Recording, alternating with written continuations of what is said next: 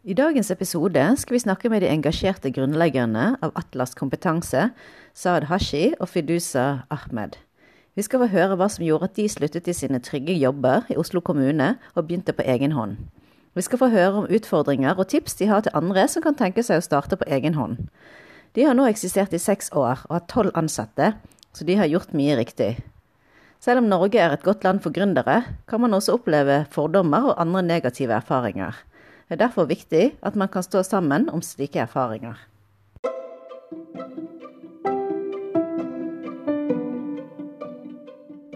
Velkommen til Multikulti familiepod.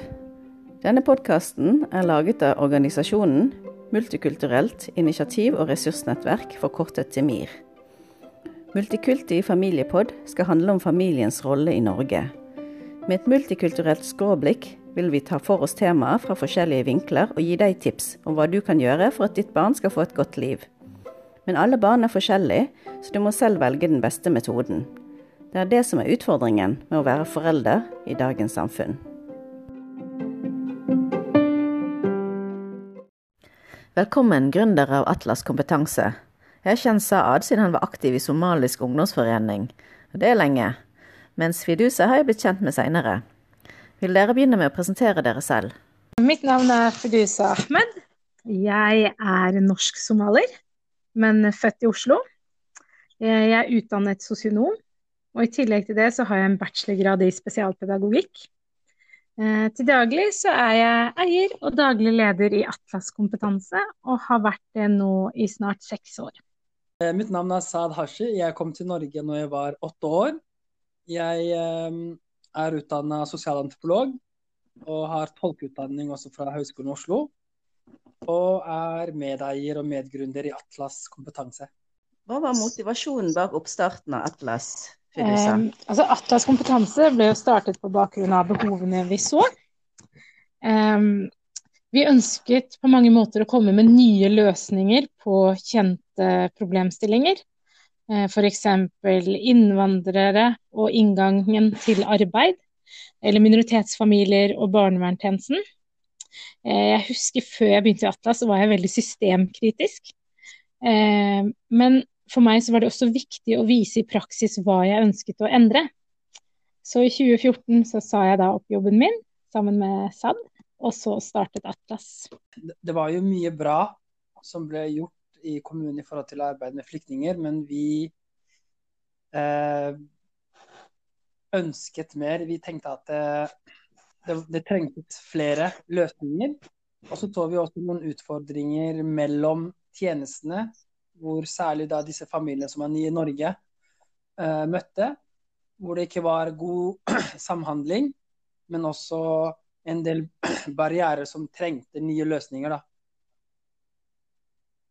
Og da i 2014 november så hadde vi på en måte Vi sto, vi sto overfor to valg. Enten fortsette å være i kommunen og prøve å jobbe med innovasjon der for flyktningene, eller å ta saken i egne hender og starte noe som kunne bidra til å styrke integreringen og hjelpe familier med kort botid i Norge. Og det var egentlig det som startskuddet for Atlas kompetanse. Mm. Begynte dere uten å liksom ha noe sikkerhet, eller hadde dere noen ting på gang allerede når dere sluttet? Um, de store spørsmålene. Som alle andre gründere så hadde vi både våre egne personlige bekymringer i forhold til det å gå fra trygge jobber til å starte på bar bakke til bekymringer som handlet om det å drive selskap.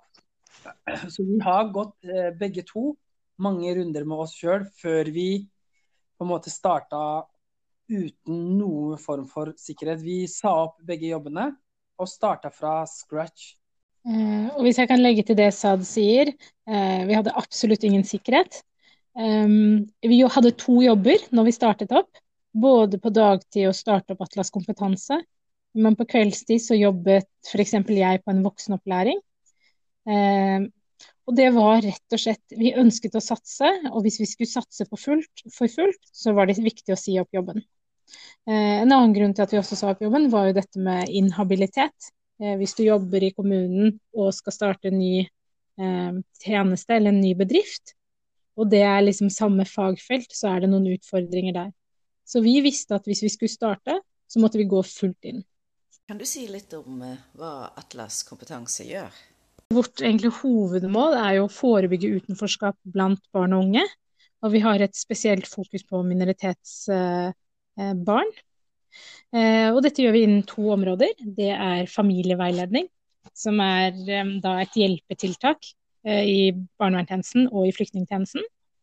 Og så er det også utviklingen av skole-hjem-kurs som vi holder.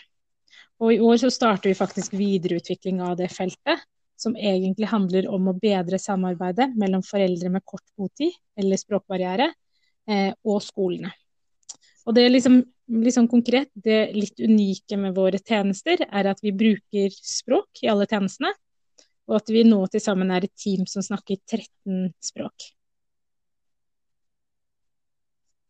Mm, og så vil jeg, ja, jeg vil bare legge til at uh, i begynnelsen så hadde vi, vi hadde med oss uh, masse erfaring og, og, kompetanse og ulike behov og løsninger som vi tenkte Eh, absolutt det ville hjelpe flyktninger.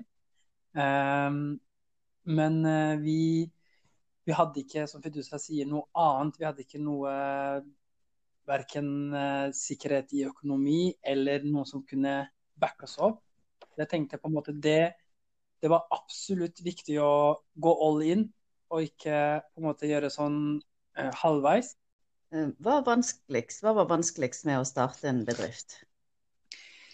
Eh, ja, jeg syns jo det Nå har vi holdt på i fem og et halvt år. Så skal Det er mange utfordringer man møter som gründer. Jeg vil trekke fram det aller viktigste. Det må jo være at eh, det å drive et selskap, alt fra økonomi til eh, lovverk, til eh, hvordan du skal selge, altså møte med kunder, hvordan skaffe oppdrag, og alt det på en måte vi var Vi lærte gjennom å bare eksperimentere og prøve. Det var ingenting som vi hadde forkunnskap om. Og jeg syns jo det var noe av det mest vanskeligste. Men jeg tenker at det, det var ikke det som var avgjørende for å, for å kunne skape en bærekraftig bedrift. Hva er avgjørende da? Det du faktisk er produktet. Det du kan eh, virkelig selge i markedet. Og det var liksom de løsningene vi hadde i forhold til å hjelpe familier som f.eks. Eh, var nye i Norge, og som møter eh, det norske systemet, og særlig da barnevernstjenesten, hvor de, mange av de opplevde mye frykt, og at de ikke visste hva slags hjelp de kunne få, om de kunne få hjelp, om de kunne stole på dem. Det å ikke kunne nyttiggjøre seg alle de gode løsningene som også finnes i barnevernstjenesten for mange familier. Så jeg tenker det er liksom løsningene som vil jeg si Hvis du har en kjempegod løsning, så lærer man da det å eh, drive bedrift. For det handler bare om å um, gjøre det, rett og slett. Eh, hva heter det? Learning by doing. Og så tenker jeg helt i begynnelsen, det som var det vanskeligste, var kanskje også det enkleste. Det var jo ikke vite. Altså hver dag altså vite hvor dette skulle ende. Og hver dag var en bratt læringskurve.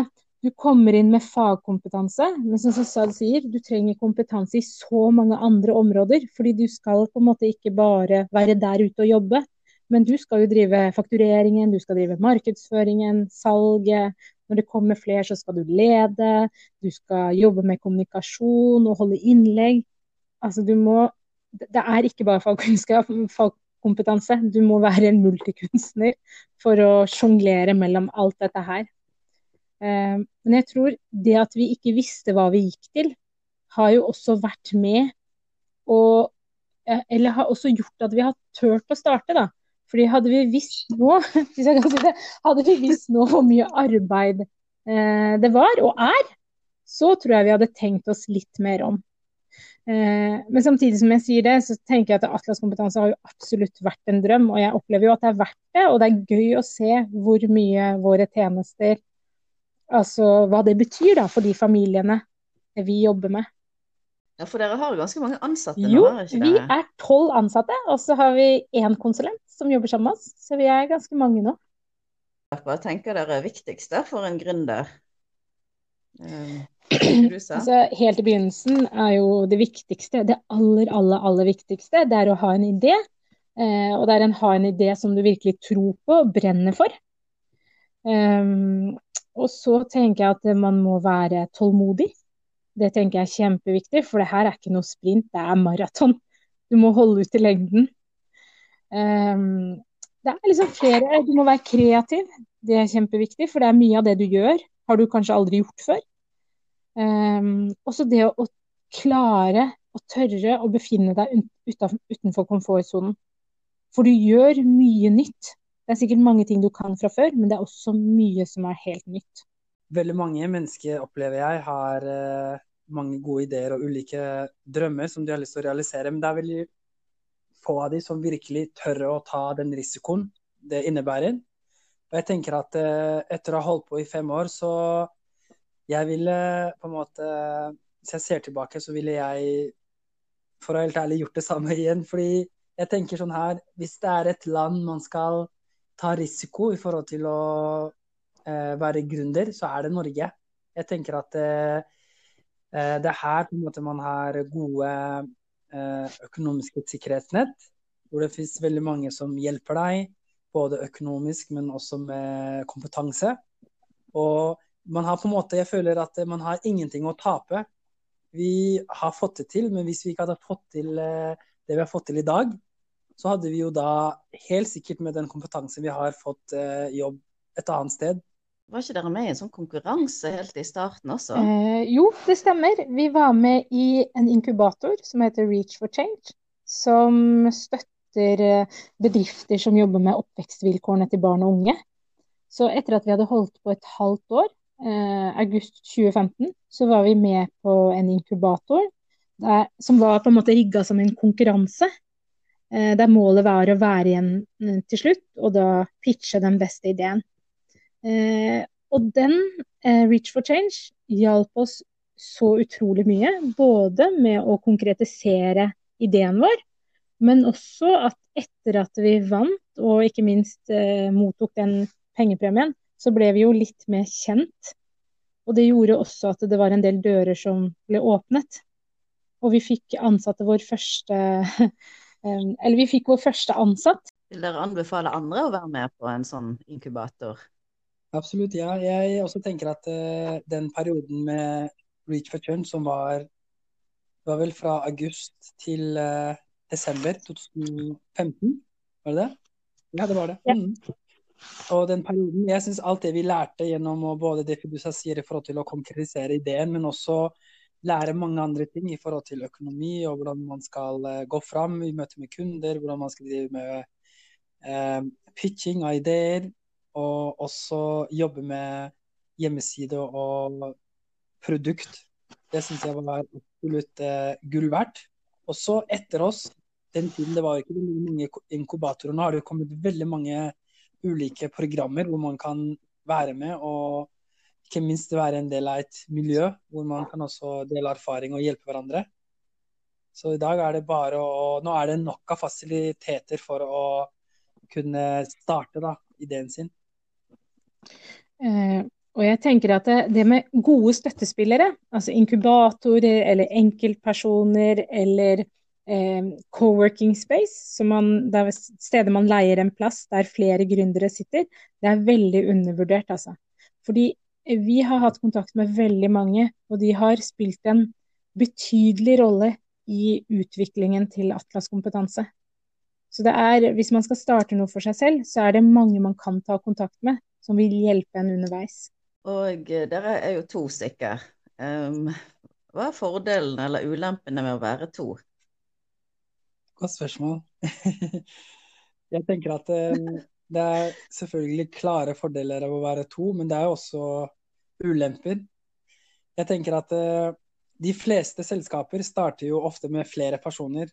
Jeg ser ikke så ofte selskap eh, hvor det er én som starter nødvendigvis, men ofte så er det flere som går sammen. Og så er det også en del som går i oppløsning. Man sier jo at eh, hvis man overlever to første årene, så, så blir det bra. Og det har vi overlevd.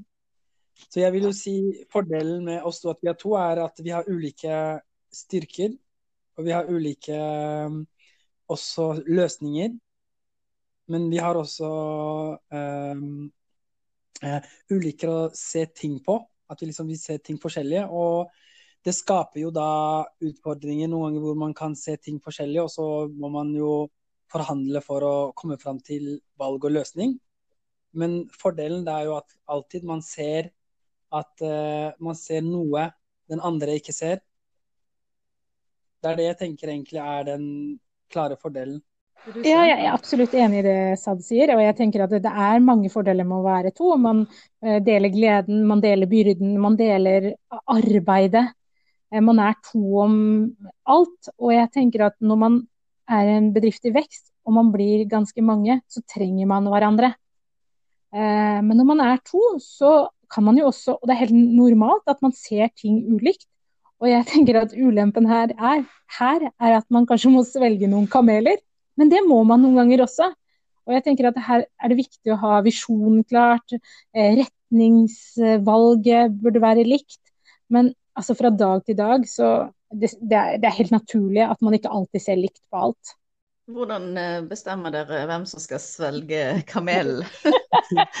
det blir alt fra skikkelig krangling til at vi lander på det samme, til at vi ikke blir enige i det hele tatt. Så vi, vi, er, vi har hele spekteret på en måte i, hverdagen vår. Så jeg tenker at eh, no, det, det, er nesten som er det greit at jeg kan si, det er nesten som et uh, lite uh, ekteskap, som en old couple, liksom. At uh, man på en måte Det skjer dynamikk mellom oss hele tiden. Både gode, men også dynamikk hvor utfordringer skapes fordi man da støter på mange ulike utfordringer som man kan se forskjellig. Men det som er bra, er at vi finner alltid en vei. Og jeg tenker jo Jeg husker jo tilbake mange av de selskapene som starta seg med oss. de, Flere av de er jo delt mellom personer som startet.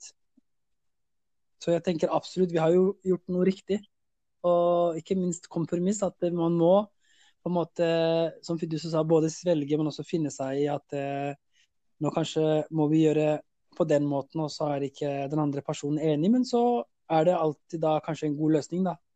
Det med å være gründer, da. Når jeg sa at eh, man må tenke eh, man må ikke tenke sprint, men maraton. Og det gjelder i diskusjonene òg, så man må holde ut til man får vilja til. Det er sånn, Den som holder ut lengst, får viljen sin. Vi har, vi har, eh, logo av eh, akasitre. Du vet hvor akasitre hvor eh, sterk og den holder ut. Selv i ørkenen så er det Når alle andre planter og, og trær forsvinner i f.eks. savannen, så er akasitre det treet som holder ut. Den, den erstatter uh, mykere liksom, planter og trær som forsvinner pga. tørke, f.eks. Og den som holder ut, den kanskje kommer langt. Da. Og det var jo litt meningen bak Atlas òg, da, når vi tok det fase tre. For dere jobbet sammen i samme bedrift, og så var dere venner før? Ja, vi var venner. Vi var først kolleger, og så var vi venner og kolleger, og så ble vi gründere sammen. Mm. Så det er litt sånn bra forhistorie, da, fordi vi har erfart det samme i forhold til jobb. Det med en venn er jo ikke alltid det lureste man gjør. Jeg vet hvor mange vennskap som har gått i stykker pga. det. Jeg, jeg, tenker eh, En ting som jeg har lyst til å trekke fram, som på en måte er liksom eh, fundamentet, egentlig hvorfor vi to fortsatt jobber sammen, det er jo det tillit. ikke sant? Jeg tenker at det, eh, det å se ting forskjellig, det er ting som stadig er veldig sånn en realitet for oss. Og det, det, er jo greit at man har ulike synspunkter og ulike meninger, men det at man kan stole på hverandre, det tenker jeg kanskje er det viktigste. fordi det har jeg aldri stilt spørsmål ved. Så jeg stoler på Fiduset 100% og jeg håper at hun stoler 100% på meg. Og det gjør at i hvert fall mye av jobben er gjort da. Absolutt. Jeg stiller meg bak det Sad sier. Og så tenker jeg det Bakgrunnen for at vi startet, var jo at vi hadde jo felles visjon. Og det er jo på en måte Når man er uenige fra dag til dag, i, altså i dag-til-dag-arbeidet, så er det jo det noe helt annet enn å ha den felles visjonen, da. Og den tenker jeg er veldig viktig at man ofte på en måte husker. Um, og så er det jo en annen ting som også er viktig um, når man er to gründere, og det er jo dette med arbeidsfordeling. Og jeg tenker at jo, uh, altså jo mer vi vokser, jo mer uh, Altså jo viktigere er det, da. For at, eh, først så er man jo to gründere, man gjør alt i bedriften.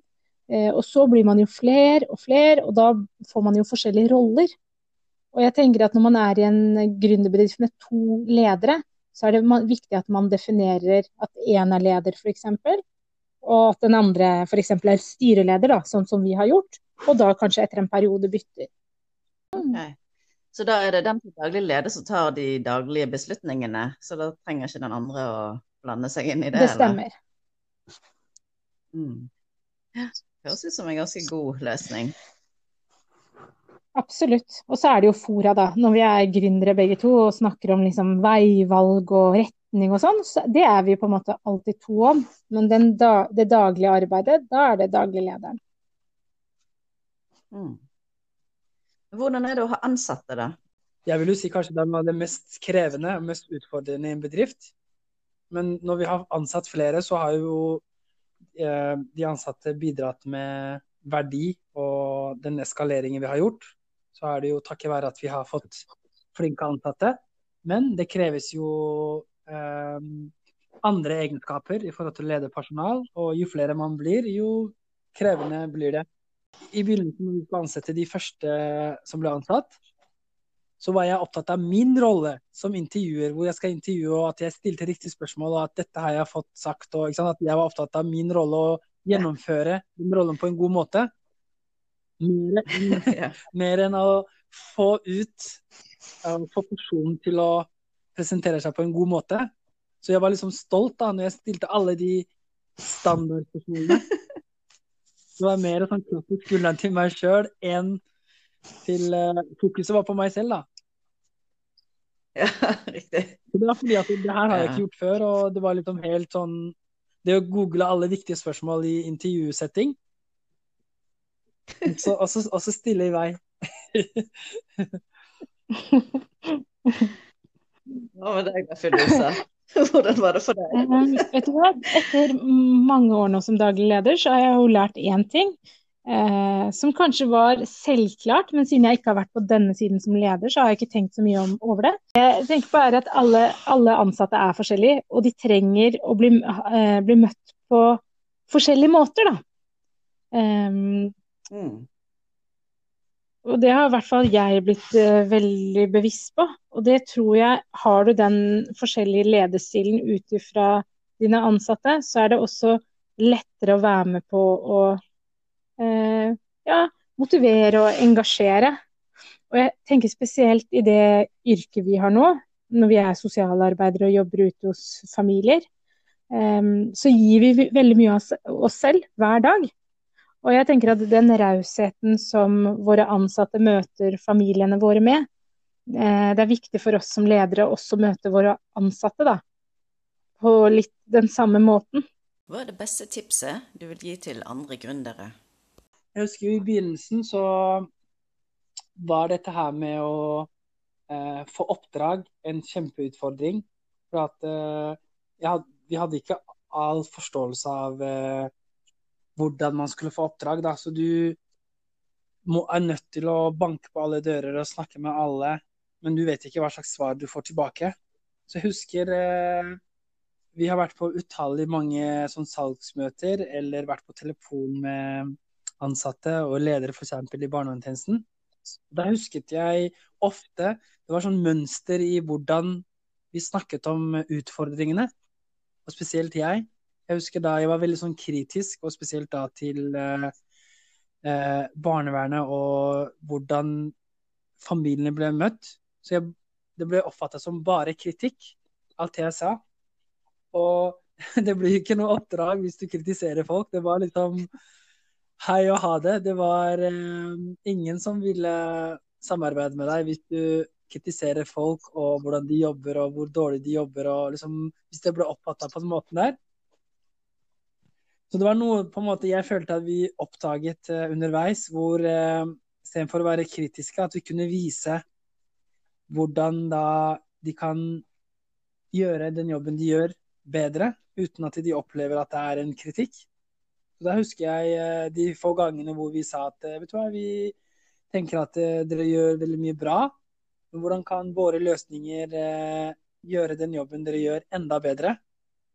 Da skal jeg love deg eh, både tonen og samtalene ble lengre, og det var en helt annen måte vi ble møtt på enn da vi var veldig sånn kritiske. Og det er faktisk mm. det er sånn gründerfeil som veldig mange gjør. For det er liksom bakgrunnen for at du starter noe, det er fordi at du mener at uh, ting må bli bedre.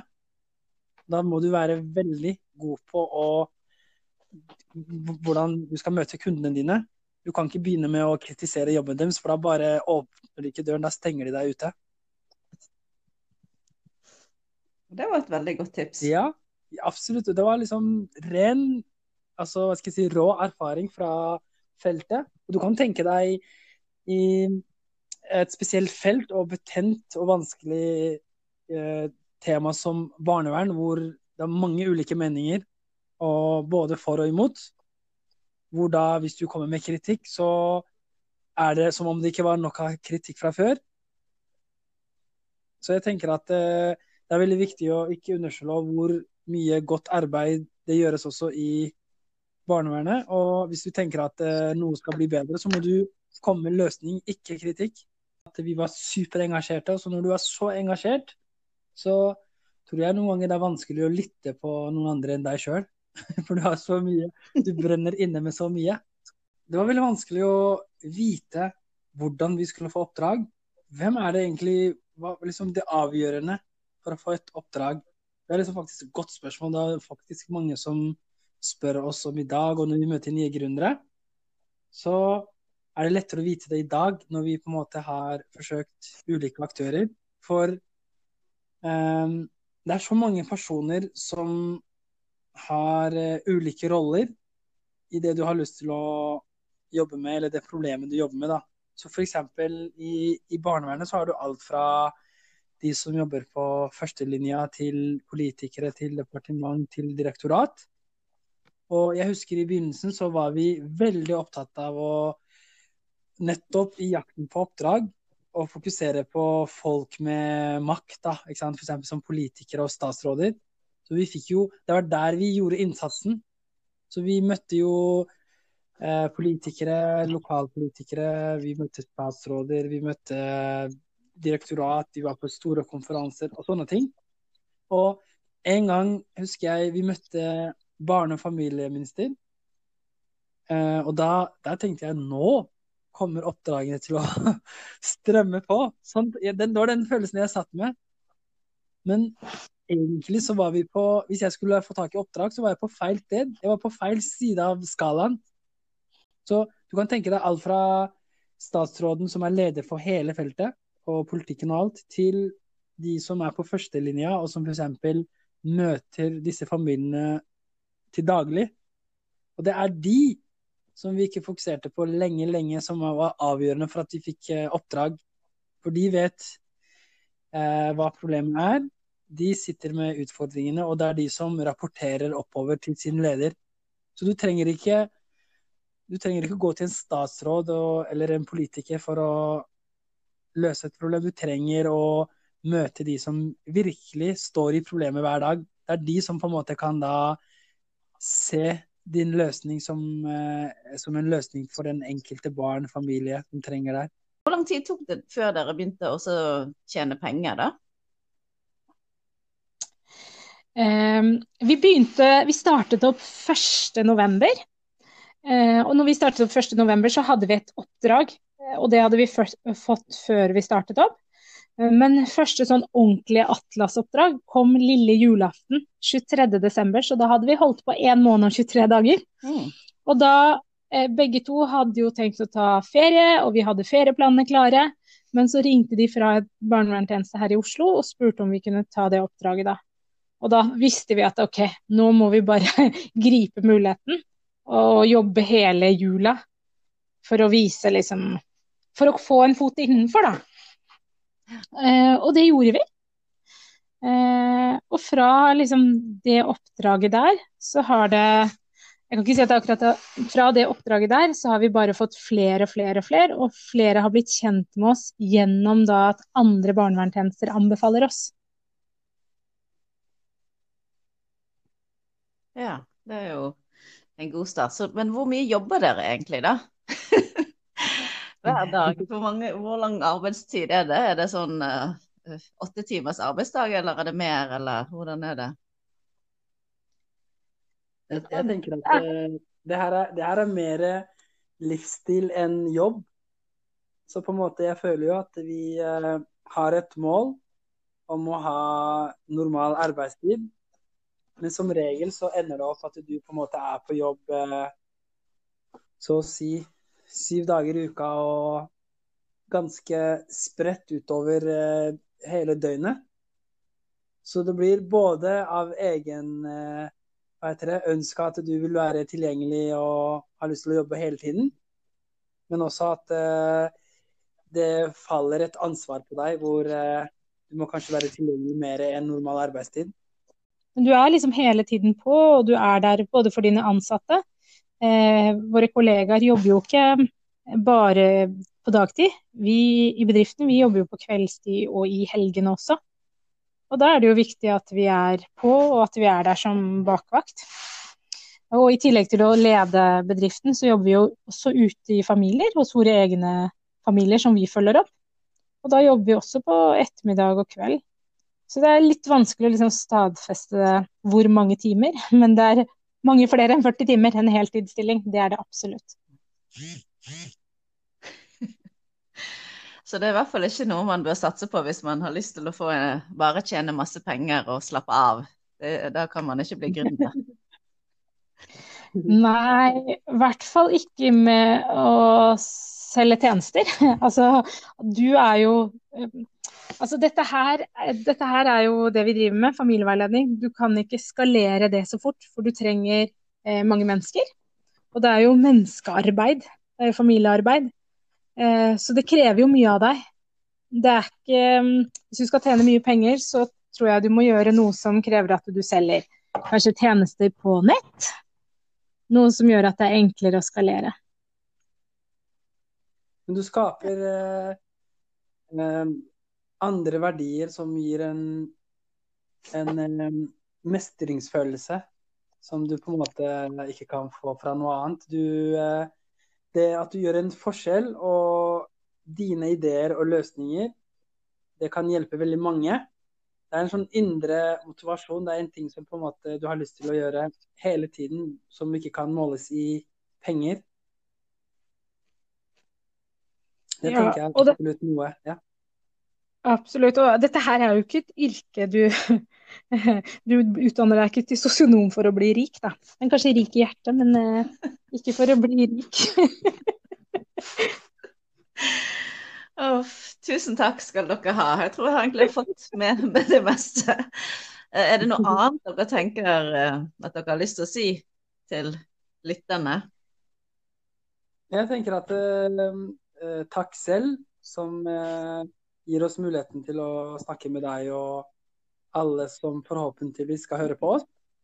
Det jeg har lyst til å si, er at eh, de folka som vil høre på oss, jeg håper at de blir inspirert. Men også jeg forventer at veldig mange som har uh, gründeridé i magen, må bare komme i gang. Det er ikke noe å vente på. Det er uh, Selv om vi deler veldig mange krevende ting som vi står i hverdagen, så er det også gøy. Vi har det gøy på jobb. Vi gjør det fordi vi syns det er spennende å, å, jobbe sånn. Så absolutt. Join the league, heter det ikke det? Jo, join the league, altså. Har du landet på at du vil starte, så gjør det virkelig helhjertet. Og så må man jo alltid tenke at for å lykkes, så må man jo ofre noe. Og kanskje det er det, din faste stilling, kanskje det er andre ting. Men uh, altså, du kan komme langt, da. Ja. Så just do it. Med koronapandemien ser vi at mange blir permittert fra jobbene sine, bedrifter går konkurs, og ekspertene tror at mange blir arbeidsledige. Men det er noen som klarer seg ganske bra, fordi de tilpasser driften og er kreative i sine løsninger. Ja, for uh, Fidusa sa jo at du var i en samtale nå, men har du sånn veiledninger og dere veiledninger og sånn nå? Ja, folk? vi har litt fysisk kontakt med familier hvor det er avklart at eh, de ikke at de er friske. Men det er litt sånn okay, yeah. Det er litt sånn ri- risky, liksom. Du vet ikke om de er smitta eller ikke, eller om du selv er smitta, på en måte. Så vi unngår Mm, helst å møtes folk. Men noen av sakene så har vi kontakt med familier, men vi bare holder avstand og tar ikke på hverandre. Altså vi prøver å liksom bare holde de reglene, da. Så Mm. det er litt lettere hvis man Ja. bare tar forhåndsregler, men det er ikke noe garanti for å smitte hverandre, egentlig. Nei. Så det er, Nei, det gjennomføringen er vanskelig. Det, er det å gjennomføre alle de oppfølgingstimene og tiden vi skal ha med familier. Mm. Vi prøver å- overholde smittereglene, da. Så, så langt det lar seg gjøre, så møter Ja. vi dem ute. Vi prøver å gå tur istedenfor å være hjemme.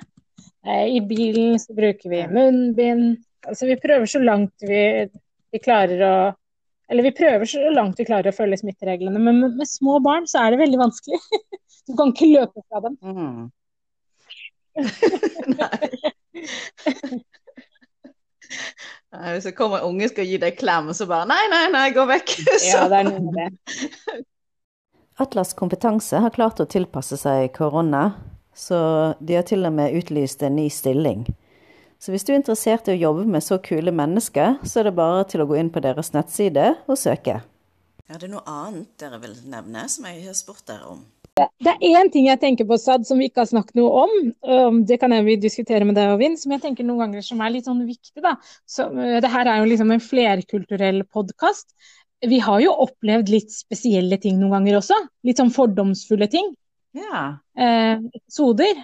Eh, og det har vi jo ikke fått frem. Og jeg tenker at eh, hvis man belyser også de episodene, eh, så Altså, det, altså at man ikke skal gi seg, da, selv om man opplever de tøffe tingene.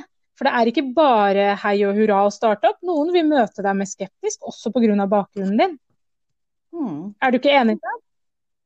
Jo, absolutt. Jeg tenker at eh, vi, vi, har, vi har liksom blitt vant til det så mye, det å bli møtt eh, Ja. eh, fordi vi ser ut sånn som vi ser ut ut i gründerfeltet. Det er jo ikke, det er ikke noe mangfoldig gründermiljø vi har i Norge.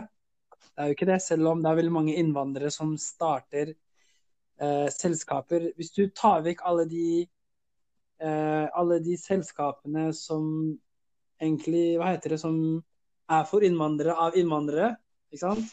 Mm. Eksempel butikker og grønnsaksbutikker og Leica Mobile og alle de der. Mm. De trenger jo ikke møte noen, fordi de handler jo med andre innvandrere.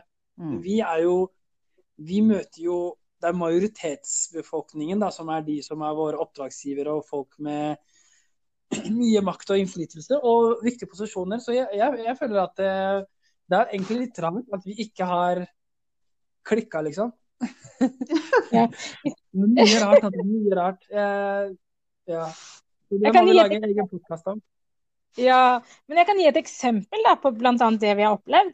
Eh, vi jobbet annet, vi hadde et oppdrag, eh, og når oppdraget var fullført og de skulle fakturere oss, så ringer avdelingslederen, og så spør henne når hun skal fakturere oss om bedriften er svart. Å, herregud.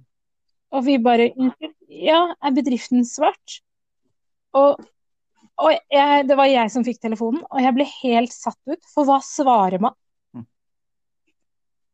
Mm. Eh, og det er mange at, på en måte hun mener at eh, er, dere driver ikke med noe svart, ikke sant? Mm. Litt sånn. Ja. ja det, Nei, det var jo Akkurat det har jeg liksom tenkt på i ettertid, da.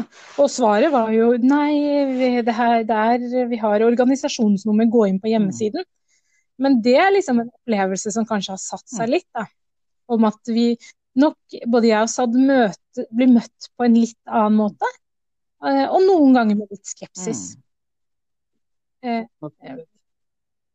Ja, og så husker eh, eh, vi eh, gjennom årene så har, de, så har vi hatt sånn mange mailkorrespondanser med ledere som da først skal bare finne litt sånn referanse til oss, informasjon om bedriften, enten organisasjonsnummer eller eh, daglig leder. Og så mail til den eneste som har eh, altså ren norsk navn, da, sånn typisk norsk navn. Mail til meg med kopi til den personen uten å ha grunn til det. på en måte. Det er litt sånn, helt sånn morsomt at du nesten bare tenker at det er greit, du aksepterer det. Du, du vil ikke stille spørsmål hvorfor i all verden de skulle flette inn en person som ikke har noe med saken å gjøre. Vi snakker om en konkret sak i en familie hvor jeg har vært på et møte. Og så er det noen som skal sende en referat eller en kontrakt etterpå til meg. Og så sender de da med kopi til en person som altså har det, det navnet der som de tenker det er sikkert lederen. Uff, ja, det er ganske eller, eller, på møter hvor vi er flere, hvor kanskje jeg og en annen eh, norsk bakgrunn sitter på møte. Og så henvender de seg bare til personen når det var lederspørsmål, og når det er sånne ting, så er det meg. ja. Så Nei, det er jo det som Tusen takk til dere som ville dele dette med våre lyttere. For innvandrere ser det ut til at rasisme er noe man må forholde seg til, men det er viktig at de må jobbe sammen for å bekjempe hverdagsrasismen. Det er veldig viktig at vellykkede innvandrere som dere vil snakke om disse tingene. Da gir vi en stemme til mange andre innvandrere. For mange tenker at det er deres egen feil at de blir behandlet dårlig og får dårlig selvfølelse. Det er derfor viktig at man ser at flere opplever det, også personer som snakker godt norsk og klarer seg bra i samfunnet. Vi kan le av det og avfeie det som uvitenhet og fordommer, men som vi ser i USA, kan det ha alvorlige konsekvenser. Vi planlegger en egen episode om rasisme, der vi skal snakke med forskjellige personer om hvordan de har opplevd rasisme. Men avslutningsvis så er det vel det viktigste å ikke gi opp, slik som akasiatreet. Et siste ord til gründerne i Norge? Jeg, jeg tenker det er Norge som er mulighetenes land for innvandrere ikke USA. Fordi her er det så gode ordninger. Fra du er i startfasen til du kommer så langt som oss, så finnes det fantastiske muligheter. Både alt fra støtte, eh, tilskudd, ikke minst kompetanse. Og mange inkubatorer som kan hjelpe deg. Det er liksom ingen som klarer seg aleine. Vi har fått masse hjelp av mange gode mennesker på veien. Mm. Jeg støtter meg til det, altså. Og takk for uh, samtalen, Vinn. Takk skal dere ha.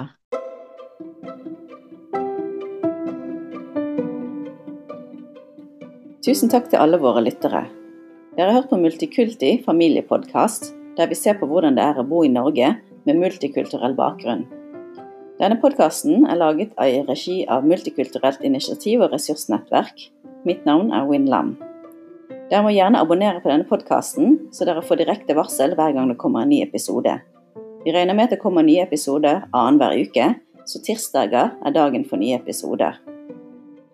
Hvis du har temaer du ønsker å ta opp, kan du sende en melding til MIRs Facebook-side. Vi har også en gruppe der du kan stille spørsmål eller ta opp flere temaer. Begge heter Multikulturelt initiativ og ressursnettverk. Du kan også lese mer om MIR på MIRs nettside mirnett.org.